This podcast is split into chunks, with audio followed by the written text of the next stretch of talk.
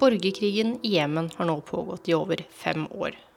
Og konflikten har ført til at landet er den største humanitære katastrofen i vår tid. Med over 24 millioner mennesker i behov for humanitær assistanse, og en matsikkerhet som er så lav at nesten 20 millioner mennesker ikke vet hvor sitt neste måltid kommer fra, så er mange jemenitter nå på randen til utsulting.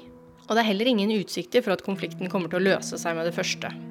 Men hva var det egentlig som utløste konflikten i Jemen? Vi har vært så heldige å få med oss professor Stig Jarle Hansen fra NMBU til å forklare oss hva som skjedde da den arabiske våren nådde Jemen i 2012. Jemen ble også preget av den arabiske våren i 2012, og da ble den daværende presidenten Ali Abdullah Saleh avsatt.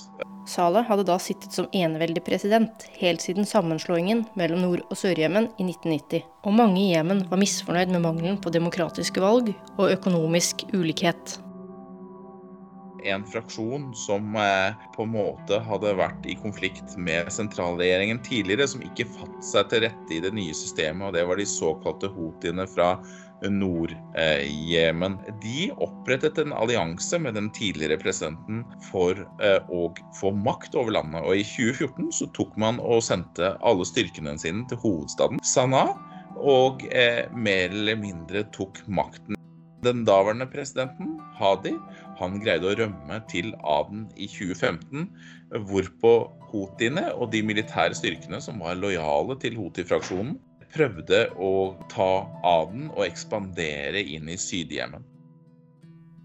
Som vi da skjønner, så handlet konflikten før 2015 i stor grad om hvem som skulle sitte ved maktsetet. Om det var den vestligvennlige tidligere president Saleh, den saudi-vennlige offisielle regjeringslederen Hadi, eller alternativer som Houthi-bevegelsen. Konflikten i Jemen nådde et vendepunkt da regionale aktører kom på banen i 2015.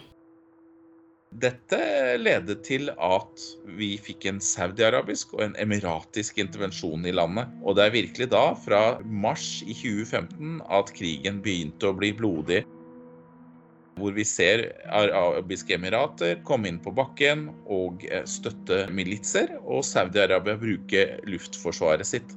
Samtidig så har vi da eh, eh, Al Qaida som er aktiv her på bakken. Og en annen organisasjon som blir alliert med De forente arabiske emirater, som heter Southern Transitional Council, som vil ha mer autonomi og kanskje også full selvstendighet for Syd-Jemen, som hadde vært selvstendig tidligere. I, i 2017 så får vi da eh, houthiene eh, som eh, blir uvenner da med sin allierte, tidligere president Saleh. Og tidligere president Saleh blir drept. Frontlinjene begynner å stivne.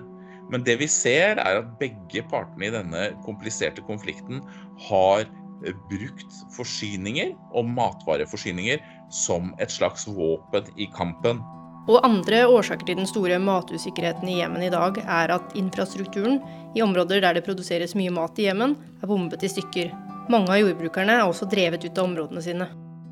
Jemens situasjon før borgerkrigen var veldig utfordrende også i forhold til matvaresikkerhet og f.eks. også vann. Og Jemen er avhengig av et par havner. og Det vi ser er at Houthi-militsen etter 2017 har skutt missiler mot Saudi-Arabia, eh, som har ledet til en saudi-arabisk blokade, marineblokade av havner i nord. Eh, man lover å lette på blokaden, men det virker ikke alltid som man gjør dette her på bakken, og dette medfører seg store lidelser. I dag er det over 24 millioner mennesker som trenger hjelp på en eller annen måte i Jemen. Over 4 millioner mennesker er på flukt, og har vært det siden 2015. Og antallet fortsetter bare å stige. Det betyr at i dag er matvaresituasjonen i Jemen veldig utfordrende på tross av svensk f.eks. For forsøk på megle, eh, så er det ikke noe som tyder på at eh, konflikten vil bli bilagt i løpet av kort tid. Vi ser også at regionale parter, sånn som Iran, er involvert sammen med Saudi-Arabia og Emiratene, så situasjonen kommer ikke til å bedre seg. Konflikten får heller ikke veldig mye oppmerksomhet i internasjonale medier, men heldigvis så holder FN og andre bistandsaktører øye med hva som skjer i Jemen. Og Verdens matvareprogram, som ble tildelt Nobels fredspris i 2020, har Jemen som sitt største nødhjelpsprosjekt.